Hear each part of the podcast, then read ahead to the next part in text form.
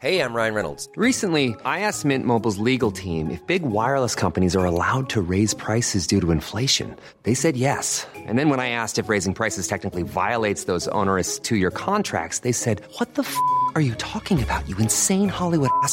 F- So to recap, we're cutting the price of Mint Unlimited from $30 a month to just $15 a month. Give it a try at mintmobile.com slash switch. $45 upfront for three months plus taxes and fees. Promo rate for new customers for limited time. Unlimited more than 40 gigabytes per month. Slows. Full terms at mintmobile.com.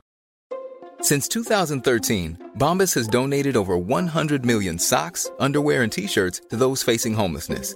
If we counted those on air, this ad would last over 1,157 days. But if we counted the time it takes to make a donation possible, it would take just a few clicks. Because every time you make a purchase, Bombas donates an item to someone who needs it. Go to bombas.com slash ACAST and use code ACAST for 20% off your first purchase. That's bombas.com slash ACAST, code ACAST. Vi har ett samarbete med Rapid Brow Bar. De gör också underbara produkter för bryn och fransar. Alltså drömsamarbete. Jag, Jag har ju haft deras penna i hur länge som helst. jag har till och med lånat den av dig och bara, du måste gå och köpa den här. Ja, den är otrolig. Jag säger vad den heter på en gång, sen ska vi prata lite vidare. Mm. Den heter Brow Twist Refillable. Refillable? Mm. Du Va? kan bara köpa liksom en ny liten tjoff-tjoff som du stoppar i din redan, eh, den husen du har helt Men enkelt. gud, det här visste inte jag. Nej. Vad spännande. Du tog det inte på att det står på förpackningen. Jag har inte läst på förpackningen om jag ska vara ärlig. Du känns som en sån som rafsar upp utan att titta. Jag Aldrig läst en bruksanvisning aldrig, heller. aldrig i hela mitt liv. Men jag har ju varit på Rapid och gjort en trådning för första gången i mitt liv. Jag har väldigt ljusa ögonbryn och jag fyller i dem jämt för att jag då inte tål ögonbrynsfärg. Men hon formade dem, fast när jag tittar på mina ögonbryn så ser jag bara, så här ser de ut. Ja. Men när hon hade trådat bort de här små typ genomskinliga håren Ja. så hade mina bryn fått en annan form och de såg tjockare ut. Jag vet. Jag fattar inte hur det är möjligt. Nej, men de lyckas liksom på något vis. För när jag var där också skulle göra trådning och jag kan ju göra eh, brynfärg och annat, så sa hon också så här, okej om jag jämnar till dem lite på båda sidorna? Och jag bara, ja absolut, det får du gärna göra. Och sen så var det som att jag istället för att ha ett som tittar uppåt och ett som tittar neråt, så var det som att de tittade åt precis samma håll. Helt otroligt. Och Jag blev då introducerad också för något som heter Brow Milk. Ja, det är en av mina favoriter. Jag fattade inte vad det var, för när man öppnar den, det ser ut som en mascaraförpackning, så är den vit. Ja. Och så kletar man på det på ögonbryn. Jag bara, vad fan, ursäkta, ska mina ögonbryn bli vita? Nej, det här är ju som ett litet vax som Exakt. sen bara smälter in i huden där du kan forma dina bryn. Om du är en person som kanske inte har gjort ett brow lift, så får du ett eget. ett browlift för dagen och det sitter ju också i typ 24 timmar. Så att det håller över hela Ja. dagen. Nej, men jag tycker också så här, bara att gå och få sina bryn fixade och färgade inför sommaren. Man kanske inte orkar Mm. eh, slänga på så mycket produkter och mina blir så ljusa också när solen kommer. Exakt. Och sen eh, att man fyller på då med lite bra produkter. Framförallt då browmilken som är min favorit, Mm. browtwisten som jag också använder. Och sen så jag som behöver fylla ut lite strån också, Mm. har den här eh, Making Brow Pen. Ja. Som bara är smala, smala, alltså en liten, liten, liten, liten pensel som man liksom gör fake strån med. Exakt. Och då blir det perfekt. Vet du vad jag börjat med också? Nej. Care and Growth Serum. Nu ska vi se om jag får långa bambifransar och jättelånga ögonbryn. Se fram emot det. Vi har en kod. Ja. Tabberaset20 ger 20% på köp av produkter online. Vänta, samt en valfri behandling när man bokar online. Koden gäller mellan den 1 och 9 juni för köp och bokning online. Behandlingen ska alltså bokas och utföras mellan den 1 och 9 juni. Unna, Stort tack Rapid. vi är sponsrade av Kubus igen. Jag ska säga dig en sak. Jag gick Drottninggatan fram igår Ja. och hajade rakt av till när jag kollade in i Kubus skyltfönster. Det var så mycket fina, somriga, härliga kläder där. Alltså jag har ju levt i mina linnebyxor och den här linnekjolen som är den här svarta lite höga med knappar, Ja, nu när det var så varmt, den är otrolig. alltså får jag ge ett stiltips till den här kjolen? Eh, Tycker du att jag behöver det? Nej, men jag vill bara väcka en tanke du kanske inte haft. Alltså, Kubus har ju också massor med badkläder. Att ha en sexig baddräkt Ja. under den där, det skulle kunna göra en full-on look. De har en baddräkt som är liksom så här krinklat material, som är randig. Åh, det känns du. Så den till det, men sen också de har ju en som är liksom mörkbrun, Mm. en som är liksom lite metallic shiny, som också är liksom draperad typ. Fan vad jag gillar det. Nu när det har blivit sommar plötsligt, så är det som att alla kläder som inte andas är obehagliga. Och linne är ju ett material som liksom följer temperaturen. Mm. De har ju också kläder till hela familjen. Ja, det har de verkligen. De har ju sitt eh, koncept The Nordic Basics. Och det är ju liksom everyday-kläder. Du vet som barn på stranden så vill man ju ha så här badtröjor och badbyxor som är långa. Alltså bra SPF. Ja. Solen är Ja. så stark och så kan man liksom inte smörja sig för man vill vara i vattnet. Jag älskar att vara i vattnet. Mm. Då har de badtröjor och badbyxor som man kan ta på sig som är långärmet. En rash heter det. Ja, rashguard. Ja, så hette det när man var i Australien. Ja, när man var cool så har man Ja. rashguard. Vi måste avsluta Klara. vi vet hur mycket du brinner för Kubus och det gör jag också. Rusa in på kubus.com. Vi säger tack för att ni är med oss. Stort tack Kubus. Det här är Tabberaset, en podd av mig, Klara Doktorov och Frida Lund. I det här avsnittet kåtar Frida upp en kirurg och förlyser en hundvalp. Jag har en teori om personer som blir förälder på äldre dagar. Varför väljer Kjell bort sin sons Lucia-tåg? Vad hände med hamsten Mats Sundin? Och varför har min mamma haft en råttcirkus? Vi vill dessutom varna alla våra veganlyssnare. Det här är nog inte ett avsnitt för er. Välkomna!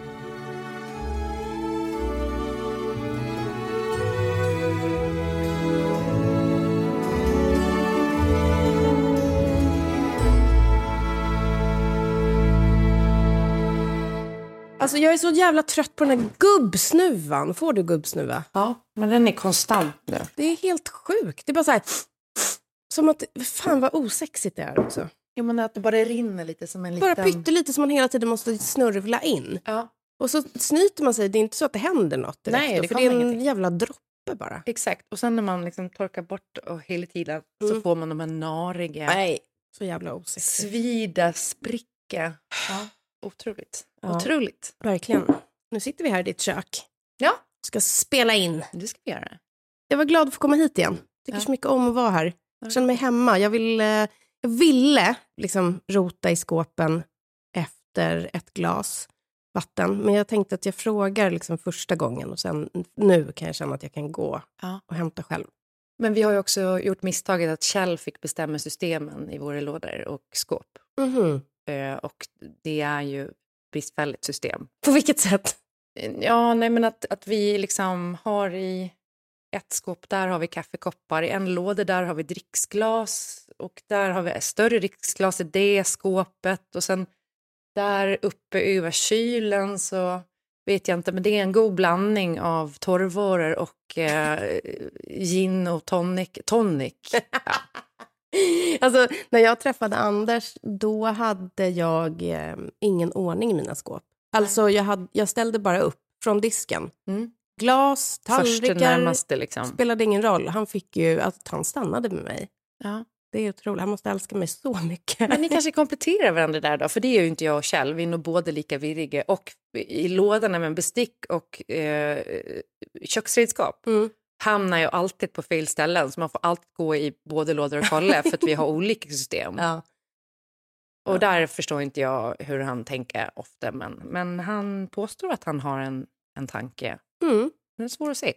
ja, jag fattar. Ska vi hoppa rakt in på raskalas? Ja, det tycker jag. Ska jag börja? Gör det.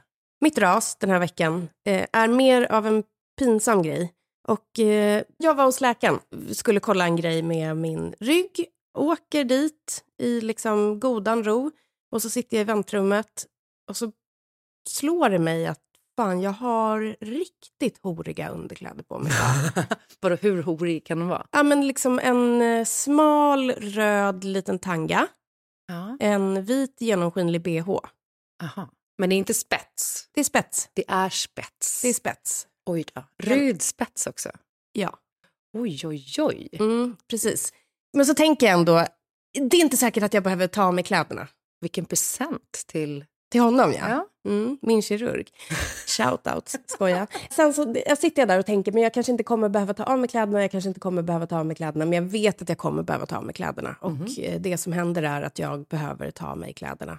Ja. Så att jag står framför honom i eh, spetsunderkläder. Lägger mig på en brits och då ska han liksom dra upp mitt ben ganska högt. Inte för att det kanske spelar någon roll, men vilken ålder är det på den här kirurgen? 45 kanske. Mhm. Ja. ja, men det, Så att jag... det blir intimt. Ja, det, det, det var väldigt intimt, för han drar ju upp mitt ben för att liksom se hur ryggen reagerar med det. Och det är ju i princip en ställning som jag hamnar i. Ja. Och sen ska jag Ja, stå... du vet, med ena benet uppe. Ena benet uppe. Mm, yes. eh, jag ska också stå sen framför honom och böja mig fram. Ehm, och jag, jag har sån panik. Men varför skulle du då vara utan kläder på underkroppen? Man Alltså, det- behöver det- se hur det liksom... Exakt hur allting drar i ryggen och hur jag kan böja ryggen och allt sånt Ja, där. och ditt diskbråck sitter långt ner, eller Ja, precis i Mm. svanken. hur? Yes. Så att eh, han fick sig en show och jag fick mig en otrolig skam. Alltså jag skämdes djupt och innerligt och jag låg och försökte hålla för... Du vet när man så här... Åh herregud, det var så fruktansvärt pinsamt. Och det här är inte första gången jag gör en sån här grej. Nej. Eh, men jag tror aldrig mer jag kommer göra om det. Men det var mitt ras den här veckan. Ras mot dig själv då? Ja, alltså Frida, liksom tänk till. Sätt inte på dig horkläderna när du ska till läkaren. Nej, fan, jag har typ aldrig det problemet i och med att jag har, de flesta trosorna jag har är från Ica Maxi, den här högermodellen, e- ekologisk bomull som ja. går hela vägen upp till tuttarna typ. Mm, Tanttrosan. mm. Fan, eh, jag förstår din känsla, men du gav honom en liten present. ja, men kanske. Alltså tänka på den, man vill ju ändå tänka att läkarna inte noterar sånt. Det är klart att de, det måste de ju göra. De måste göra det. Ja. Även om jag tänker så här, okej, han har sett värre eller han har liksom- sett liksom någon Bend som over. inte har en bh på sig. Alltså han, har liksom, han måste ha sett allt. Röde spetsstring typ-ish. Ja. Som skär in. Over. Det är inte en tjock lapp över vulva. Stjärten sticker ut. Oj, oj, oj. framstjärten sticker ut. Ja. Ja. Jag tror nu gav du lyssnarna också en, en, en runkfantasi. Mm, kul. Åh, vilken dröm. Grattis. Ja. Ja, men jag kör snabbt mitt kalas då. Mm. Ja, fan. Klarade ju provet. Vi fick ju Grattis! svar. Det gjorde ju du också. Ja, men du aceade det. Nå, fast jag fick 3,5 poäng från full Åh. pott och det stör mig så fruktansvärt mycket och jag inser att jag behöver jobba på det här hos mig själv. Det är helt sjukt att du fokuserar på att du fick tre och en halv poäng fel på hela provet istället Mm. för att fokusera på att du fick nästan alla rätt. Och de grejerna jag fick fel på var ju sånt som jag inte ens visste att vi behövde plugga till. Det var ju mer så här allmänbildning kring dryck. Mm. Om det står Keller så skulle man matcha det med land och typ av dryck. Mm. Och jag menar, om jag hade, för det där var precis i slutet av provet, man var lite bränd i huvudet, Mm. hade liksom suttit i lektioner hela dagen. Om man tänker till så hade jag ju fattat, ja men det är ju Riesling, det är Tyskland, det är Keller. Mm. Men jag skrev ju öl och Tyskland. Alltså, så det var sådana grejer, att jag trodde typ att kristall var vodkan kristall, Mm. men det är ju champagnen kristall. Det borde man ju veta såklart, Mm. men jag tyckte det var lite fräckt att de där kom. För att Mm, Men lite lurisar måste de ju ha. Ja, och sen eh, nailade jag inte eh, alkoholnivåerna på starkvin, var det börja och sluta. Nej, vad är det? Jag skrev typ 16 till 20 eller 21 eller jag vet fan. Ja, nu sa ju de det här, men jag undrar om det inte var 15 till, ja, jag har glömt bort det igen, Ja. någonting över 20. Fan, det borde jag ju lagt på minnet efter. Men skitsamma. Sitter där och, och man får en liten silvernål. Mm. Och jag sätter på mig den direkt för jag är så ändå stolt. Ja. Alltså, jag har vunnit, men jag, jag liksom förtjänar en nål. Ja. Och sen inser jag att alla då på utbildningen har inte klarat första provet. Mm. Och då sitter jag där och liksom skäms och så smyga av den. Oj då. Och Elina då, som eh, vi känner och jobbar med, hon går ju också steg två nu. Mm. Hon kommer fram och jag bara, nej men jag måste ta av den här eh, silvernålen. Men varför det? Det är ju folk som inte har klarat provet här. Hon bara, men skit i det. Vadå? Det var väl ingen här som inte klarade det? Står hon typ och skriker ut. Då vet jag ju typ en av dem sitter bara snett bakom mig. Och jag till Elina bara så här, "Shh, shh, så här, inte rub it in. Nej. Hon bara, nej men ändå gulligt att du- du tar av den. Jag bara, fan, det kändes ju som en, liksom, ja, skitsamma. Återigen är vi janten, för man kan ju faktiskt Ja. få vara glad över att man har klarat det. ja, det var exakt det Elina sa till mig då, men eh, nej, den åkte av. Men fan vad kul. Mm. Och du klarade det också. Mm. Jag fick fler poäng än dig, inte för att det är en tävling. Jo. Men du hade, alltså för att inte ha pluggat så Mm. aceade du ju också provet. Ja, jag måste ändå säga att jag är lite stolt över det. Det har fastnat något i alla fall i den här lilla hjärnan. Men där ser man ju vilka baskunskaper du Ja. har. Det var faktiskt väldigt kul. Det kändes roligt, men eh, jag kommer absolut inte vilja plugga mer. Nej, Är jag klar? du är klar. Mm. Mm. Man kommer ju väldigt långt på steg ett. Ja. Steg två är ju bara ännu mer fördjupning av det vi redan har lärt oss. Exakt. Hallå, vi har ju också fått... Vänta, nu måste vi reklammarkera. Nu blir det lite reklam för Vinkällan där vi, jag har pluggat och du pluggar. Vi har ju en kod. Just det. De frågade om vi ville ge ut och fan vad trevligt. Jag blev Ja. jätteglad över det. Men precis. Koden är då antingen Klara25 eller Frida25 om man går in på Vinkällans hemsida och köper en digital kurs. De Mm. har ju liksom så här, eh, både intro som är lite mer övergripande om vin och annat där man också får rekommendation på vilka viner man bör köpa hem Mm. för att testa. Och sen så är det både alltså föreläsningar i video och sen är det Text och, text och sånt och grejer. Så om man är liksom nyfiken på att lära sig mer men kanske inte vill gå en sommelierkurs så kan man ju bara ta en kortare digital kurs. Ja. Och sen har de också så specifika om man vill lära sig mer om Pinot Noir eller Mm. champagne. De börjar på typ 199 spänn. Men, Men, det är ingenting heller. Nej, alltså, det är exakt. verkligen otroligt bra. Ja, men perfekt julklappstips också till, alltså om man vill ge bort någonting, alltså ge bort kunskap Mm, exakt. och inte bara pryttlar som man inte vet om någon Mm. vill ha eller inte. Här får du en kurs som inte luktar usch. Nu kan du lära dig mer om dryckens glada eh, vätska i glaset. Nu firar vi det här kalaset. Ja! ja. Allt det lite Jag kanske. men- värkte ur med det. Okej, mitt kalas den här veckan är att det har varit Lucia och ehm, min son har varit sjuk. Men han är också den mest taggade personen jag känner. Eh, och han har varit sjuk då, men så ringde de från förskolan och bara, vi behöver Florens på Lucia-firandet. Mm. Han är liksom förskol... Nej, ja, jag vill inte liksom låta skrytig. Ja. Ja, varför det? Nej, men okej, skitsamma. De ringde, det, de, det, det är klart att du ska få skryta om det. ja, det ska jag. Det är sant. Sina barn får man ju skryta om hur mycket som helst. Ja, jag. Fan vad bra. De ringde i alla fall från förskolan och sa vi behöver Florens här. Han Mm. är liksom våran hype man och nu ska vi ha framträdande, det är Lucia, han måste komma. Och det var så otroligt gulligt att de ringde och sa Ja. det. Och Florens blev ju supertaggad, tog det på stenhårt allvar och bara idag kommer jag få hjälpa till inför Lucia och vi ska uppträda. Och ja, han var skittaggad. Fan vad roligt. Ja, det var väldigt fint. Det var mitt lilla kalas. Ja. Jag har ett miniras först. Nu kommer ett, ett annat ras snart. Men Mm. jag tror att jag hade fyra mått i, till sex koppar kaffe istället för sex mått. För nu sma, smakar kaffet bara blask. Så jag tyckte det var jättegott. Jaha, du gillar blask. Mm. Ja, nej, så här. Mitt ras då. Kjell kommer bli sur, men han får bli det. Mm. Eh, för jag har en analys. Jag tror så här att den allmänna bilden är att personer som blir föräldrar på äldre dagar är liksom extra närvarande. Och särskilt pappor, att de liksom har levt det goda livet och nu ska de leva för barnen. Ah, mm. Och så är ju Kjell. Han är ju inte den som eh, fortfarande vill hänga på krogen som jag. Han ser liksom inget värde i att jobba ihjäl sig. Eller du vet, så många i hans bransch som ska liksom sitta och jobba hela nätterna. Mm. Jag tycker att han är en fantastisk pappa. Men varför slår det då plötsligt fullkomligt slint?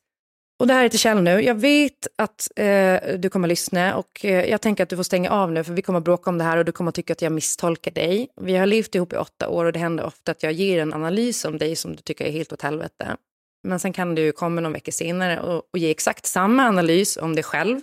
Och jag säger, "Ja, men det här var ju precis det jag sa och du svarar, nej, du sa typ alltid och inte rätt ofta. Som om det skulle göra hela min analys ogiltig. Ja. Men han kan hänga upp sig på sådana små grejer. Mm. Att det inte typ alltid, utan det är rätt ofta. Mm. För mig är det samma sak. Ja. Men skitsamma. Så här. Kjell blir pappa vid 47 års ålder. Och i 47 år har han inte behövt anpassa sig eller offra någonting egentligen. Men han har levt i ett antal relationer på två till tre år och liksom på sin höjd flyttat ihop med någon. Och blivit van vid att alltid kunna dra sporten när han vill och alltid kunna börja sin dag på café där han får sitta med sin kaffelatte, en surdegsfralla med ost, en kanelbulle och en färskpressad apelsinjuice. Bra beställning. Och det här är hans liksom, kreativa stund. Han kläcker idéer och skriver på grejer. Och det är hans ritual. Men så träffar han mig då och vi skaffar barn. Och det blir ju direkt bråk om just det här. Och i sex år så har väl det varit vårt mest återkommande bråk efter min svartsjuka och städningen, skulle jag säga. Mm. Ja. Och då hamnar vi i varsin skyttegrav. Eh, han tycker att jag gör allt för att försöka försvåra hans möjligheter till egen tid och han känner sig begränsad. Och jag tycker att hans krav ofta är så jävla orimliga. Mhm. Alltså han beter sig som ett trumpet barn. När, alltså man kan kanske inte sitta på café varje morgon eller boka in en sportaktivitet med någon timmes varsel och därmed ta bilen och lämna mig hemma med två, tre, tre barn när jag sagt att jag kanske behöver jobba några timmar. Och jag säger då, men du kan sporta och fika hur mycket du vill men du kan väl ha lite framförhållning. Mm. Lägg in i kalendern. Mm. Det här pikade då i början av förra veckan. Och jag är rädd att det här kommer dra isär dig och mig nu. Ja, du får gärna säga till mig om du tycker att jag har fel. Men det här pikade i början av förra veckan och det här, nu kommer väl vi till mitt ras. Vi sa då ja till att Betty skulle hänga med en kompis i stan och ta pendeln hem sent.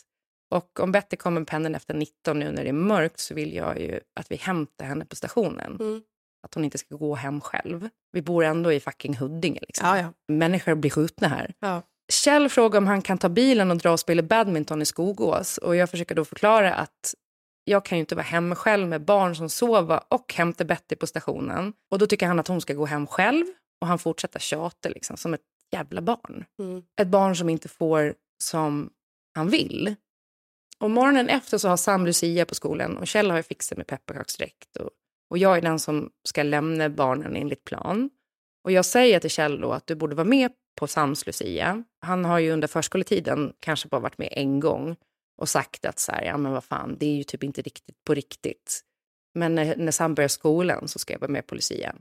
Och det är ju nu. Mm. Nu går Sam i skolan. Och Kjell säger så här, ja men jag får se. Och jag tänker då, men han skämtar ju, för han brukar skämta om sånt. Mm. Typ säga tvärt emot. Ja. Ja, eh, det är hans humor.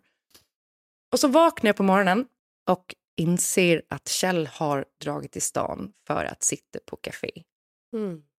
och skriver på någonting. Jag vet att han har inget möte. Nej. Jag vet att han ändå ska ta sig tid att spela lunchtennis. Mm. Så det är ingenting som brinner på jobbet. Nej. Och hans jobb skulle inte heller säga nej, du kan absolut inte gå på din sons Lucia-tåg. Nej. Jag blir ju rasande och jag och Sam kommer till skolan och jag ser det här havet av föräldrar som står och tittar förväntansfullt i minusgrader. Och den här skaren fraser liksom under fötterna på oss. Och så kommer, gud nu blir jag gråtfärdig. Nej. Och så kommer det här Lucia-tåget runt hörnet och de ställer upp sig där. Och jag inser att de här, de har ju tränat in typ tio sånger. Mm. Och de gör det bra. Det är ändå sexåringar. Ja. Nu kan de ju sjunga i Mm. grupp. och Sam står längst fram och Kjell är inte där. Och jag skickar en bild till honom då på alla föräldrar och en på Sam som står längst fram. Och jag skriver, jag hoppas att du skäms. Ja. Regel nummer ett för att vara en bra förälder, show the fuck up. Mm. Kjell skäms såklart. Och efteråt så ljuger jag för Sam och säger att eh, Kjell inte kunde komma från jobbet och är väldigt ledsen för det. Men att jag skickar bilder och filmer och att både jag och pappa Kjell är så jävla stolta. Mm. Och Sam håller liksom krampaktigt i min hand för att jag vet att han tycker att det har varit jobbigt att stå i centrum och stå längst fram. Ja, modiga. Modiga Sam. Ja, för han är inte den, han är liksom ganska liksom tillbakadragen så. Han är inte en Florens Nej. som liksom peppar igång gänget utan han håller sig alltid lite i bakgrunden. Alltid glad och snäll. Är liksom fin jävla unge. Förlåt, jag svär så mycket men jag är också arg. Läraren singlar ut då Sam efteråt i det här havet av Lucia-klädda barn och verkligen så här, ta tag i honom och säga bra jobbat Sam. Nej, åh gud. Jag börjar För hon vet ju det vi Ja. vet nu. Hon har ju haft honom i ett halvår. Mm. Och jag blir tårögd och jag kramar mitt barn hårt. Men inuti så skriker jag, väx upp Kjell jävla Doktorov. Väx upp! Vad fan! Ryan Reynolds here from Mint Mobile. With the price of just about everything going up during inflation, we thought we'd bring our prices down. So to help us, we brought in a reverse auctioneer, which is apparently a thing. Mint Mobile unlimited premium wireless. Ready to get 30, 30, bit to get 30, bit to get 20, 20, 20, bit to get 20, 20, bit to get 15, 15, 15, 15 just 15 bucks a month. So, Give it a try at mintmobile.com slash switch. $45 up front for three months plus taxes and fees. Promo for new customers for limited time. Unlimited more than 40 gigabytes per month. Slows. Full terms at mintmobile.com. Hiring for your small business? If you're not looking for professionals on LinkedIn, you're looking in the wrong place. That's like looking for your car keys in a fish tank. LinkedIn helps you hire professionals you can't find anywhere else, even those who aren't actively searching for a new job but might be open to the perfect role. In a given month, over 70% of LinkedIn users don't even visit other leading job sites. So start looking in the right place. With LinkedIn, you can hire professionals like a professional. Post your free job on linkedin.com slash spoken today. Vi fortsätter vårt samarbete med Lexus. Lexus har precis släppt sin minsta SUV någonsin. Alltså det här är alltså Lexus LBX. Den känns ju inte liten dock. Nej, Vi har ju suttit i den. vi har suttit i den och jag skulle i princip kunna få in hela min jättestora hund i den, Ja, där bak. verkligen. Jättebra leg space också i baksätet. Alltså jag skulle säga att den känns som en bra familjebil faktiskt. De har ju kommit på en rolig grej, Lexus, som de kallar för What's in my car. Och vi har ju varit med i det här. Just det. Vi pratade ju i eh, ett tidigare avsnitt om att dumma människor skulle tolka oss och vad vi Ja. hade i våra bilar. Ja, Nu har de gjort det. de har gjort det. Mm. Och vi har lyssnat på det och det var ju väldigt intressant. Berätta, vad, vad kände du? Alltså, det kändes som att eh, Björn då i Dumma människor, han eh, läste mig till punkt och pricka, Ja. verkligen. För han sa ju det här med att jag alltid tar våtservetter och blöjor i bilen, att det är någon som oroar sig mycket, har liksom lite kontrollbehov. Och Lina sa att hon kände igen sig väldigt mycket i det. Till punkt och pricka rätt. Var det lite hårdare beteende också, eller hur var det? Nej? Jag oroar mig sjukt mycket jämt. Det är också tema i vår parterapi just nu. Jag blir ju lätt nej-sägaren för att jag tänker på alla de här omständigheterna som måste lysas. Och jag mår dåligt om barnen inte följer rutinerna. Att vi ska behöva köpa grejer på stan eller när vi är på utflykt för att vi inte bara tog med dem hemifrån och hade dem i bilen. Samtidigt som Kjell säger då att våtservetter och blöjor och snacks och återanvändningsbara shoppingpåsar och sådana här eh, små pluttar till kundvagnar. Det går åt. Ja. Det kan man väl alltid köpa igen och det förstår jag. Och jag har ju kontrollbehov och det pratar vi också om. Jag vill veta, planera och ja, jag är en prepper. Och det har jag också pratat om i den här podden förut. Jag vill ha en plan om krisen kommer. Jag vill ha utskrivna kartor till skyddsrum. hur man rinner vatten, hur vi torkar ved snabbt för att kunna värma hus och laga mat på vedspisen och så vidare. Ja. Och där kommer vi till då att Björn sa att Lexus LBX kommer i olika atmosfärer som man kan välja Fyra stycken. fyra stycken olika atmosfärer.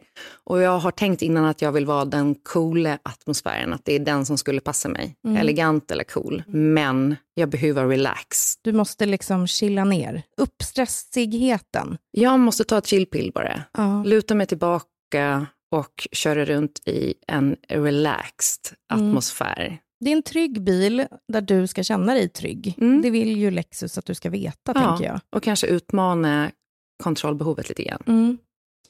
Jag lyssnade också och jag tycker typ att de hade fel om mig, om Mhm. man får säga så. Alltså, om en psykolog också. Nu kanske Björn blir jättekränkt, jag ber om ursäkt då.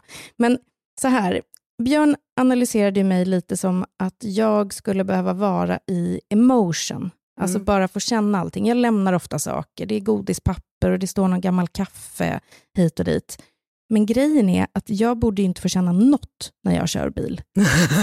För att jag, jag känner redan så mycket. Ja. Jag har en liten tillstymmelse till road rage. Ja, det har du verkligen. Det har du också spelat upp här i podden. Exakt, och jag försvinner kanske bort i tankarna. Så att jag tänker att jag ska inte alls vara i motion, utan jag måste vara också i relaxed. Att komma in och känna så här, jag är trygg, det är inte farligt, för jag blir lite uppstressad, lite rädd att köra och sånt. Jag vill bara sätta mig där jag känner så här, ah, nu är det vi två, nu kör vi. Det är du och jag bilen. Det är du det är och jag. du och jag, LBX. Exakt, och sen om jag kastar lite godispapper och sånt, ah, då får väl Anders fortsätta bara städa upp det helt enkelt. Mm. Lyssna gärna på specialavsnittet Vad säger dina saker om dig? Där dumma människor då har analyserat. Ja, det må, ni måste höra på hela. Vi är så glada i alla fall att Lexus är med oss och den här lilla men ändå stora hybriden Ja. SUVen, också så sexigt med SUV. Jag vet, fast liksom en SUV som är rimlig att köra runt i när man mestadels kör i städer. Mm. Att man inte kommer med de här eh, gigantiska SUVarna, utan en som är liksom maxad till tusen i det lilla formatet. Ja. Och tar kurvorna som Ja, du börnade ju iväg. jag alltså. vet, alltså som man tryckte på gasen, man liksom sladdade lite. Mm. Den har ett grepp som jag gillar. Ja, det har den. Jag älskar bilar, gud vad jag älskar bilar. Och den här var rolig att köra, Mm. pigg och kändes liksom, ja men väldigt eh, härlig. Mm. Iväg och testa Lexus LBX mer, Yes. så säger vi tack Lexus.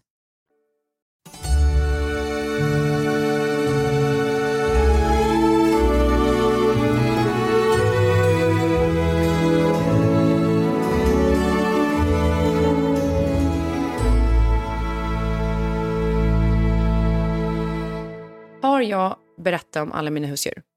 Nej. Nej. Men jag tänker att vi ska börja i änden eh, av min mamma. Det känns som att jag utmålar henne som galen varje gång. Hon är ju galen, men hon är också fantastisk. Mm. Men mamma har alltid varit en djurvän. Djurvän och djurvän, det går att diskutera. Eh, för hon är också den som man kallar in om man behöver avliva ett djur. Ja. Och hon säger att det är en empatisk handling att hjälpa ett djur som lider då att somna in. Ja, men det är det ju. Alltså min släkt uppe i Skellefteå och deras domkraftar i bilen har ju Klubbe en del vilt. klubbat eh, både en och två eh, renar. Stackars samerna. Hon har ju också vid minst ett tillfälle behövt dränka någon grannens kattungar i en hink. Oj. Jag vet inte om det var för Är att... det sant? Det är sant. Det är För 100% att, sant. alltså det känns som en sån där sägen som var när man var liten att man skulle dränka. Varför, varför tar man, liksom, lägger man dem in... Vad, ska, vad vänta. tänker du att du ska göra då? Ja, jag fick en... Nej, det var grovt. Ja, men om de är helt nyfödda, liksom, knappt slått upp ögonen. Ja, varför ska du dränka dem? Jag Kan man inte jag- förgifta dem eller något? Vet inte. Alltså, hur skulle, dränka ju inte min... Om jag fick Jag en tänker att påse du bryter kattungar... nacken av dem, men det är ju svårt. De är så slappa, de går att böja hur mycket som helst. Jaha. Vad du kan om kattungar Ja, ändå. men jag har haft en del med kattungar att göra. Men du har aldrig dränkt den? Jag har aldrig dränkt. Ja, jag vet inte. Det, det har hon i alla fall gjort. Det vet jag att hon har gjort. Mm. Och sen har vi det där med lammet. När min morbror Ante fyllde 30 så låg det ett dött lamm utanför hans ytterdörr. Och han tog hem det till min morfar Alex och frågade då om man kanske skulle kunna stycka upp det. Mm. Och morfar tittar på det här i någon sekund och säger då nej, vet du vad? Det här lammet har ligger i frysen i 25 år. Det här går inte att äta. Va? Och ett par veckor då efter det här, runt midnatt, ringer morbror Antes hemtelefon. Och när han svarar så väser någon bara bä och lägger på. Det visade sig långt mycket senare var då morsan. Var hon fick det här lammet som ligger i frysen i 25 år ifrån, det är ingen som vet och hon har fortfarande inte berättat det. Nej. Men jag tror att hon kanske fick idén då när hon själv fyllde 30 och våra grannar i Ekeby som hade grisfarm kom med en livslevande gris som present.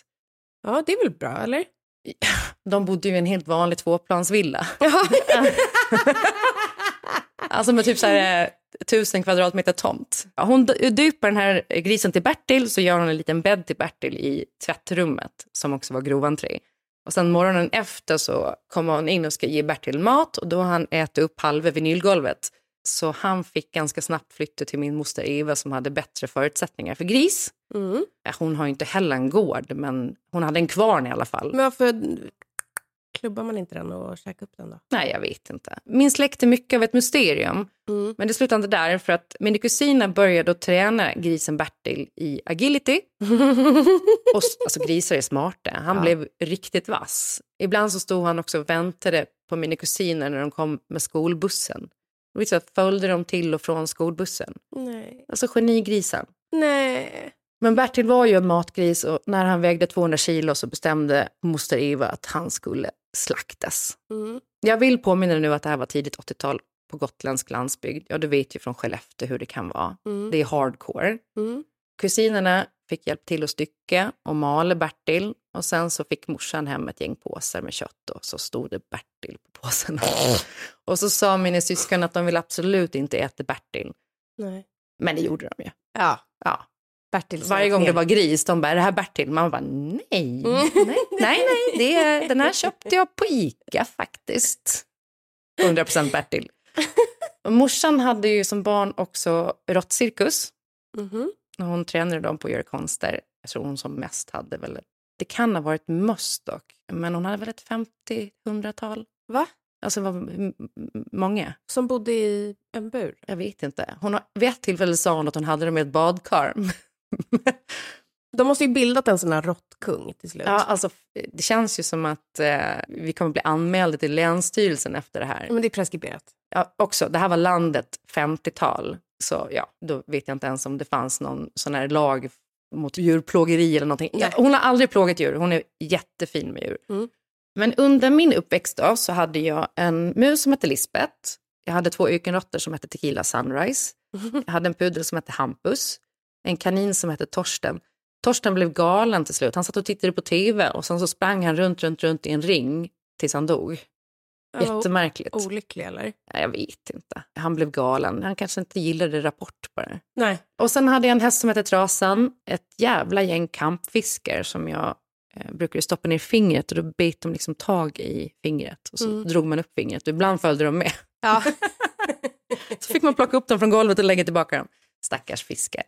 Jag hade en vandrande pinne som hette Peter. Nej. Hur fan kommer man på att man ska ha en vandrande pinne? Såg du att Therese Lindgren hade en begravning för sin Vandrande pinne? Ja. Nej, jag tror att min vandrande pinne smet till slut. Det är svårt att se om det är en pinne eller en vandrande pinne. Har den ett medvetande? Ett tag huserade jag också en humla, Mm. men den släppte jag ut sen. Och sen så hade jag två papegojor som hette Elvis och Berit och en hamster. Jag tänker att vi ska återkomma till hamstern. Jag har ju berättat om papegojan Elvis tidigare i tabberaset. Mm. Att jag råkade sätta ner honom på köksbänken fast på fel sida om spisen. Och han hade buren på andra sidan i köksfönstret. Och han eh, eh, skulle gå över spisen och då var en platta fortfarande på. Och det här var ju innan induktion, så Mm. de var ju varma. Så han står och steppa, steppa, steppa och morsan kastar sig fram och bara liksom får bort honom från spisen. Och vi åker ilfart till- veterinären. Veterinären är så här, ja men hur gammal är Elvis då? Och morsan bara, ja men han är två. Och veterinären säger, nej, han är i alla fall minst 40. Och nu är han döende så nu ska ni få ta farväl. Alltså. Med tanke på åldern så klarade han inte spisplattan. Nej. Elvis somnade in i morsans famn och hon var väldigt knäckt. Mm. Så efter det så skaffade vi en till papegoja som hette Berit. Och Berit var ett sånt jävla psykfall. Hon lärde sig bland annat härma hemtelefonen och satt liksom och kluckade varje gång eh, morsan kom springande till telefonen och väsa Svenssons! Och det liksom är ingen i luren, det är Berit. Hon höll på med det där. Alltså så här, på ett sätt.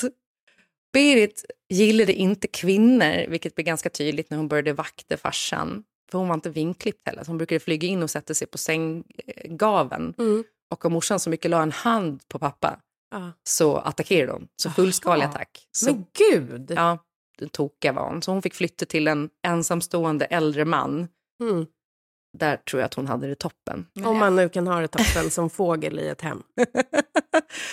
Ja, jag vet inte. Alltså man ska väl inte ha fåglar i bur i alla fall. Nej, alltså jag har ju lite fågelproblem. Alltså, jag är verkligen en djurvän också, men jag kan också verkligen förstå att man till exempel behöver klubba en ren som har blivit påkörd Ja, med en domkraft. Eh, men jag har så jävla stora problem med folk som har fåglar. Alltså jag kan inte Mhm. fatta det.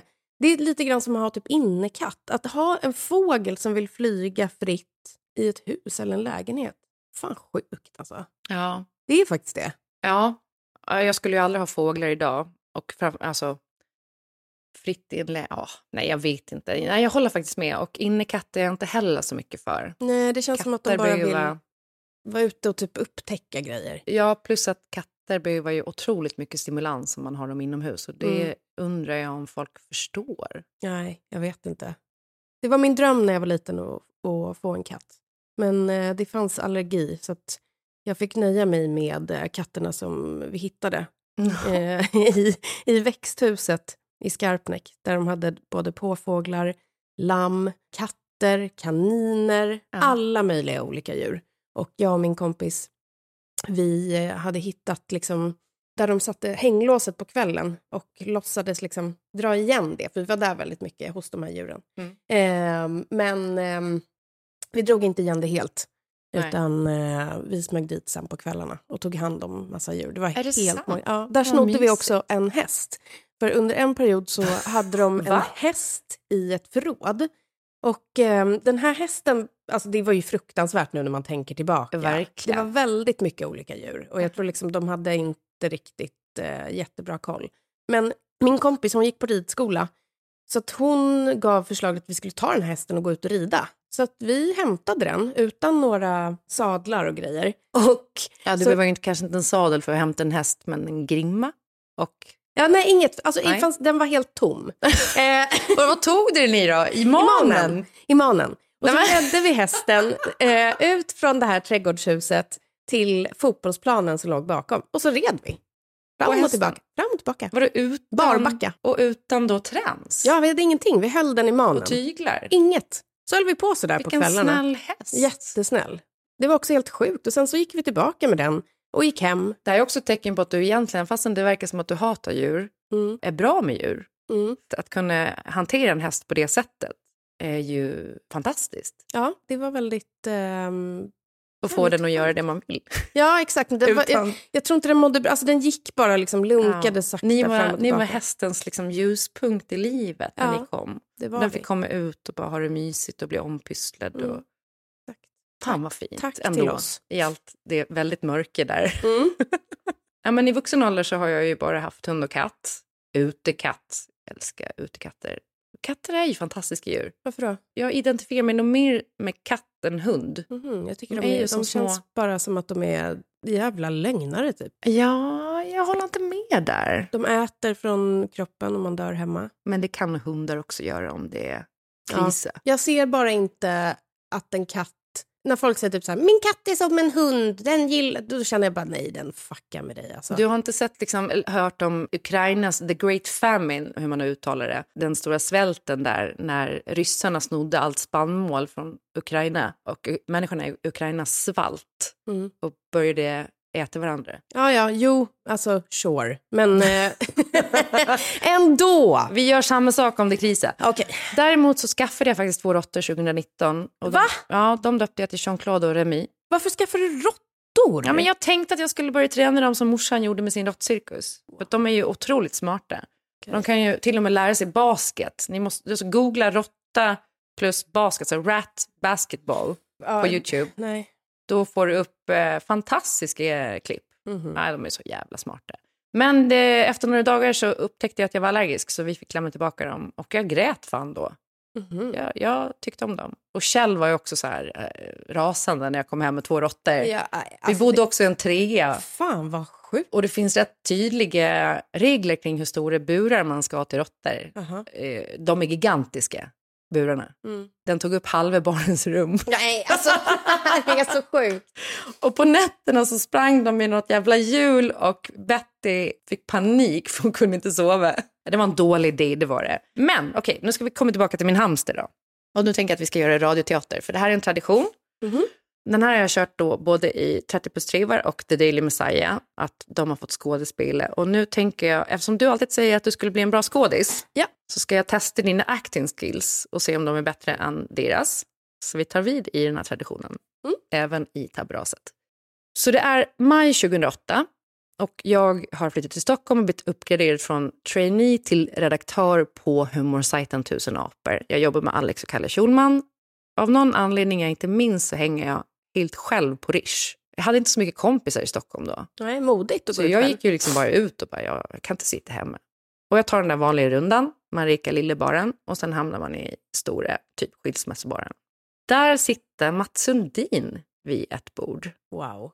Och jag tappar anden. Mm. Mats jävla Sundin. Jag har en hel flyttkartong bara med urklipp från hans karriär. Toronto Maple Leafs nummer 13-tröjan. Eh, när de vann VM 98-tröjan.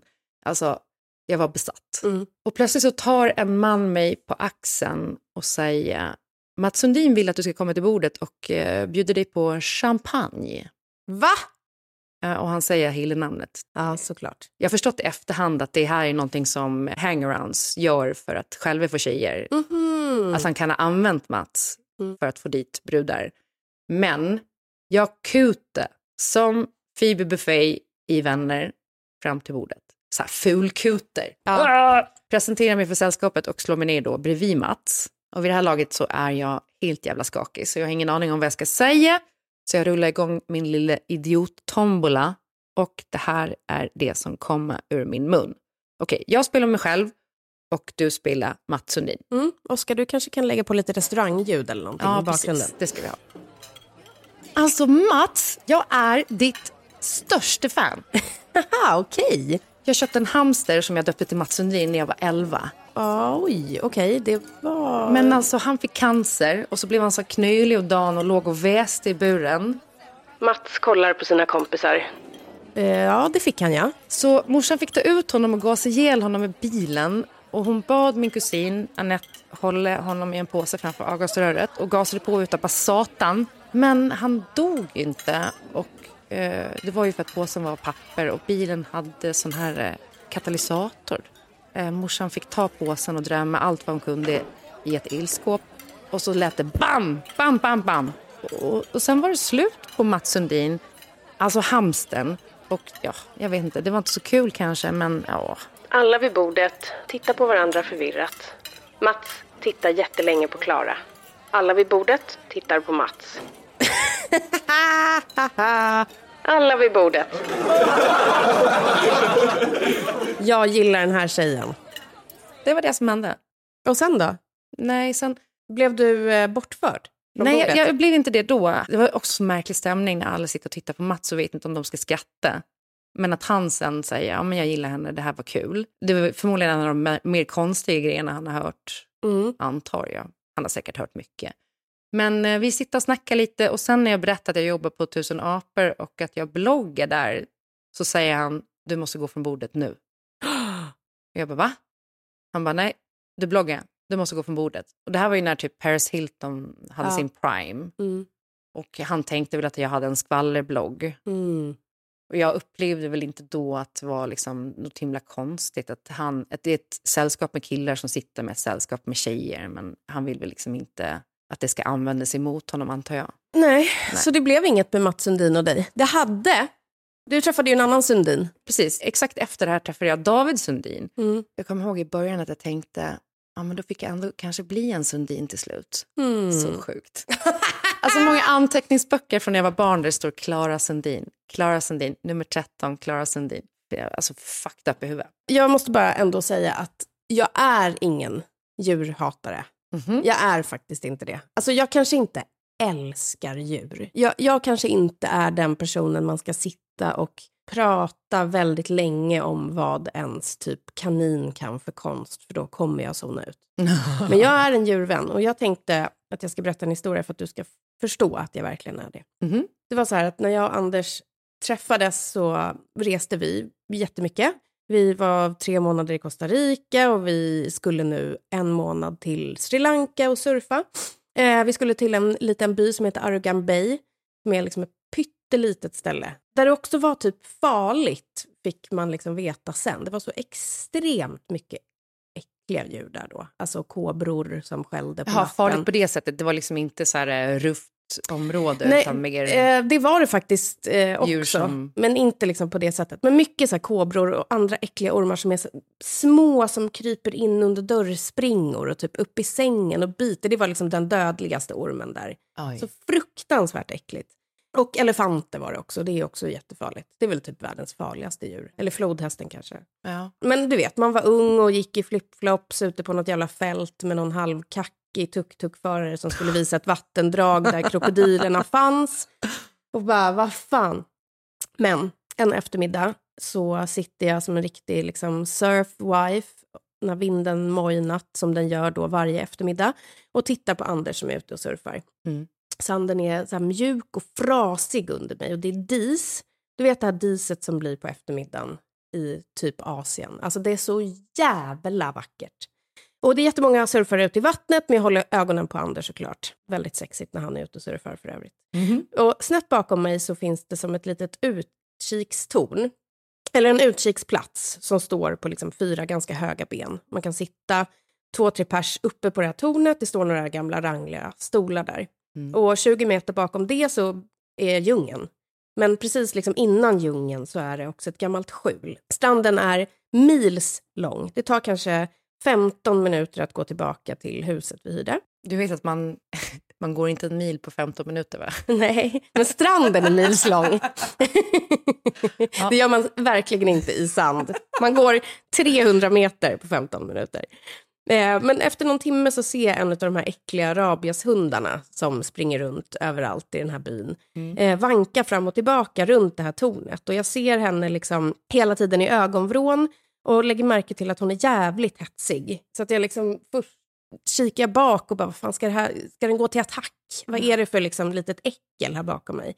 Men till slut hittar hon en plats och där börjar hon gräva frenetiskt. Och jag vet inte vad som gör att jag är så nyfiken, men jag kan inte släppa tanken på att jag måste veta vad fan hon håller på med. Du vet att rabies är dödligt? Ja, men hon kanske inte hade ra... Eller, alltså, Nej, man tänker ju att gatuhundar har rabies. Alltså risken är ju hög. Ja, det, det var inte en fräsch hund. Men det, jag kan inte stoppa mig själv.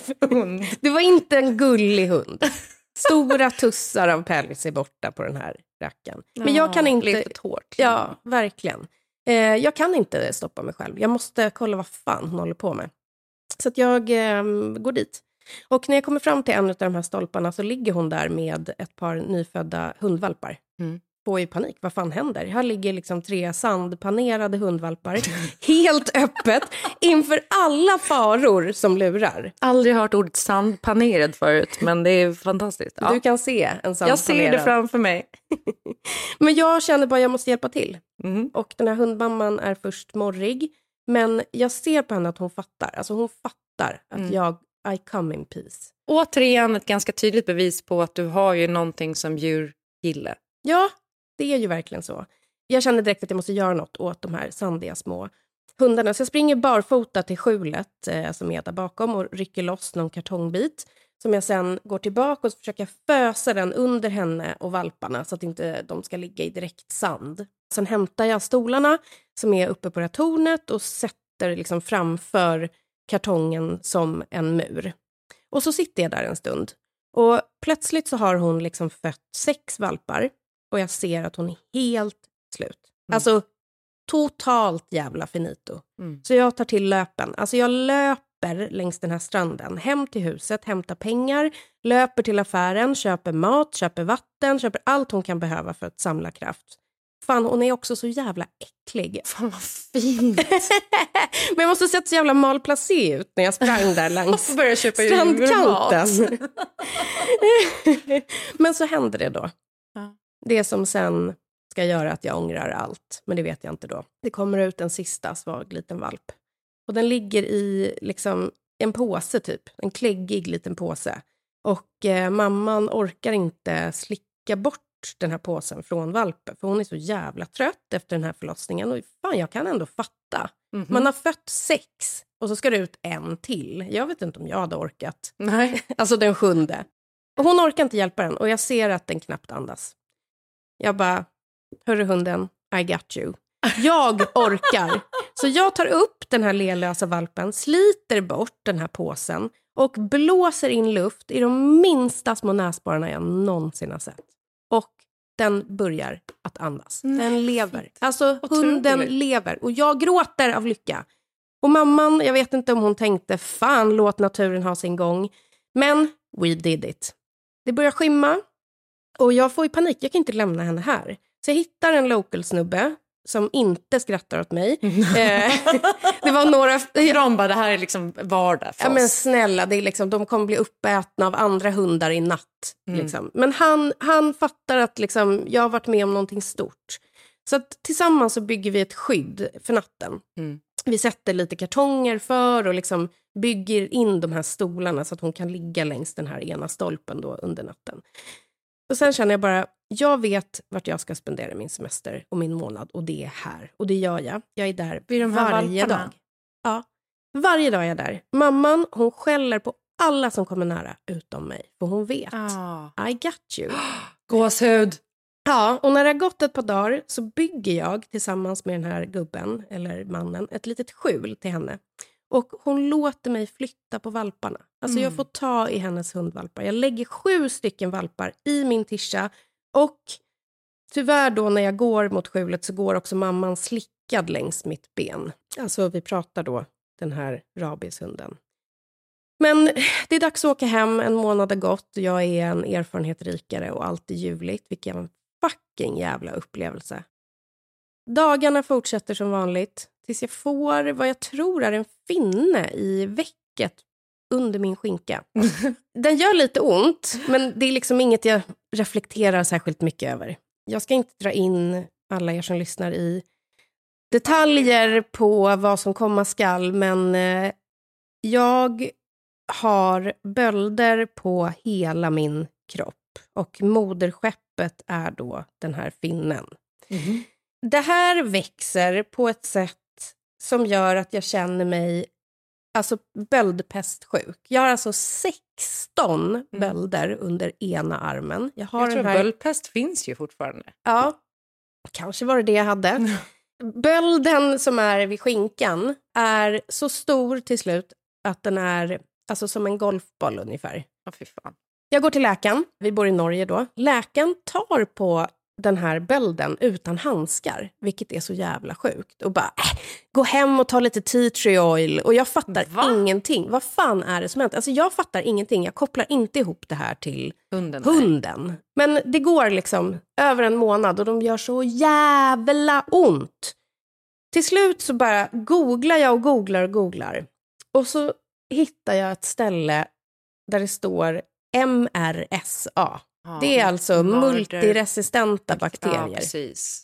och jag... ehm, Och jävlar, det är ju allvarligt ju. det är allvarligt. Så jag går till min, eh, vid den här tidpunkten så är vi hemma i Sverige, jag går till min läkare och så säger jag, jag tror att jag har fått MRSA och jag tror att det är för att jag har förlöst en hund på Sri Lanka och sen haft munnen mot hennes nyfödda valps näsborrar. Det är så...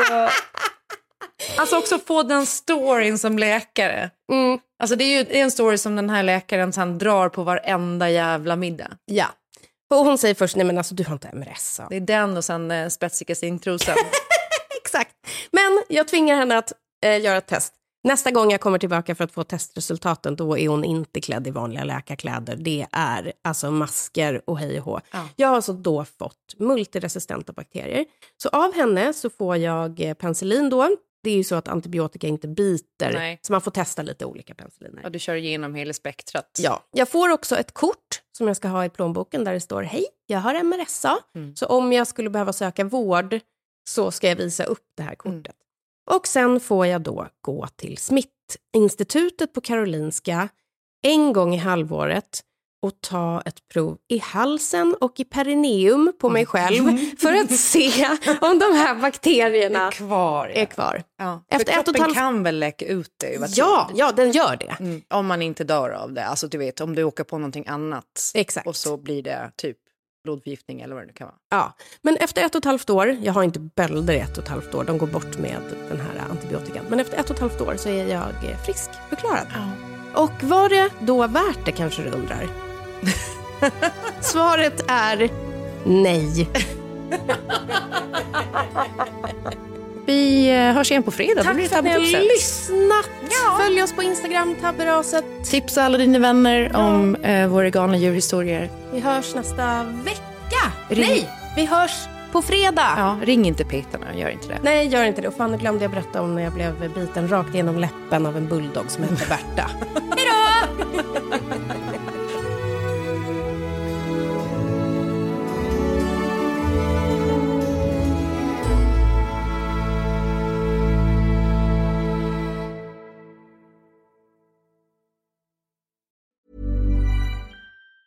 Roundabout Season 2, presented by Nissan, is live now, and we're back to share more stories from the road and the memories made along the way. We're talking rest stops. If we're stopping to get gas, you will be timed. Misguided plans. I grew up in the city, so I have like, you know, a healthy fear of real extreme darkness.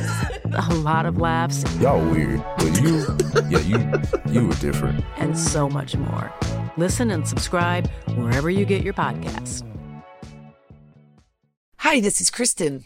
And this is Jen from My Mom So Hard. And we're here to talk about By Heart. Do you remember when you were nursing and you were like, I want to give the best thing I can to my baby? Well, we've got that for you. It's called By Heart, and it is a infant nutrition company built from the ground up to deliver real innovation on behalf of babies and parents. Curious about By Heart? Redeem your welcome offer at byheart.com slash podcast with code MOMS20 for a limited time.